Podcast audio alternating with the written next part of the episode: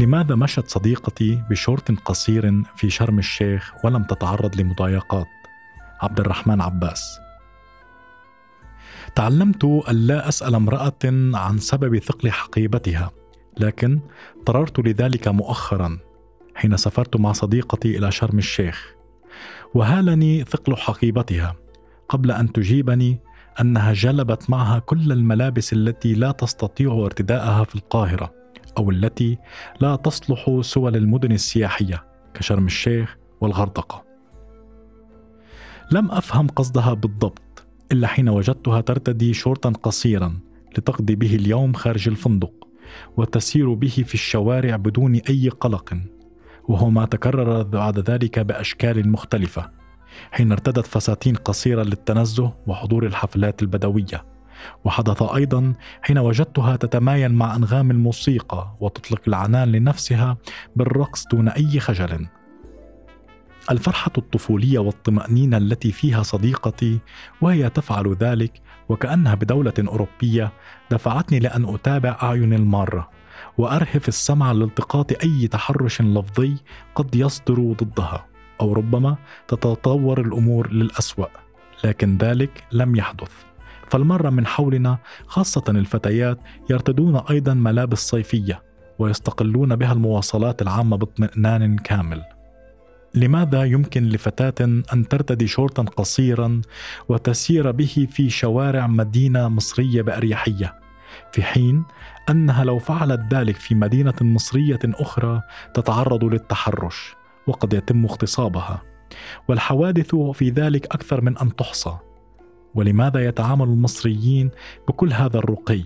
فلا أحد يتدخل فيما لا يعنيه والجميع يسير بحريته رغم أننا لم نغادر البلاد. تلك هي الأسئلة التي حاولت الإجابة عنها. برأيي أن أول تلك الأسباب هو التواجد الأمني المكثف في شرم الشيخ أو أي مدينة سياحية أخرى وهو بالطبع تواجد أمني معني بالدرجة الأولى بالسائحين. نحن لسنا على قائمة الاهتمامات.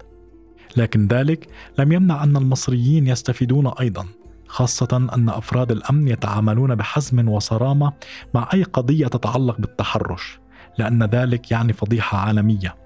وهو ما لاحظته حين تعرضت سائحة قررت السير بالميو لتحرش لفظي من أحد المارة فتم احتجازه على الفور ومثل تلك الإجراءات السريعة هي ما تردع المتحرشين وتجعل الفتيات يسرن بأمان. أما السبب الثاني فيتعلق بالصورة الذهنية لتلك المدن السياحية في مخيلة المصريين. بمعنى أن أي قادم لشرم الشيخ مثلا لديه صورة أنها مدينة تتمتع بحرية نسبية. وبالتالي سير فتيات يرتدين ملابس قصيرة أو أجانب يرتدين مايوهات هو أمر طبيعي. وبسبب تلك الصورة الذهنية يلتزم معظمهم بضبط النفس. رغم أن كثيرا ممن التقيتهم في شرم الشيخ مصريين جاءوا من محافظات مختلفة وبعضهم قد يتحرش بأي فتاة غير محجبة في القاهرة بل وبعضهم قد يبرر الاغتصاب لكنهم في شرم الشيخ لا يفعلون ذلك خاصة في ظل تواجد أمني قادر على ردعهم ولعل ذلك هو ما دفع صديقتي حين تناقشنا في الأمر للقول دي شرم في إشارة أن ما يسري هنا لا يسري على باقي المدن المصرية للأسف.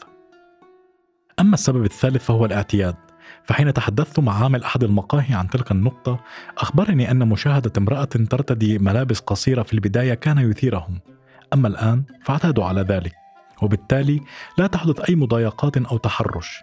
وإجابة عامل المقهى تلك لربما أجابت على السؤال لماذا كانت المرأة المصرية في أحد الأيام ترتدي ميكروجيب وتسير به في شوارع القاهرة دون أي مضايقات؟ ببساطة لأن المصريين وقتها اعتادوا ذلك.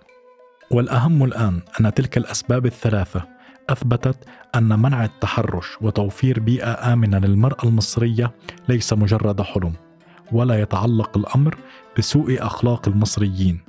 تلك الحجة التي تستخدمها مؤسسات الدولة للتنصل من مسؤوليتها وإلقاء الكرة في حجر المواطن متناسية أن التحرش جريمة مثله مثل السرقة. فهل تبرر الدولة السرقة بسوء الأخلاق أم تتصدى لها؟ كما تثبت تلك الأسباب أن مقاومة التحرش أمر بمقدور الدولة المصرية بدليل شرم الشيخ أو غيرها من المدن السياحية. فالأمر يتعلق اولا وأخيرا بالإرادة السياسية.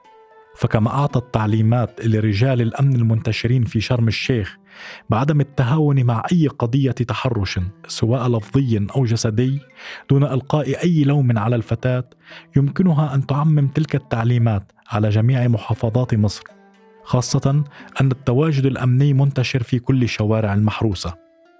وبتوفير تلك البيئة الرادعة للمتحرشين يمكن أن تسير الفتيات بحرية.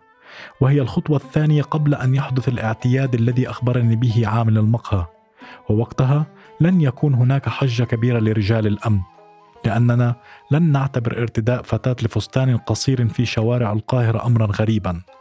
وأملي أن يحدث ذلك قريبا لأن صحتنا لن تساعدنا على حمل حقائب ضخمة كثيرا.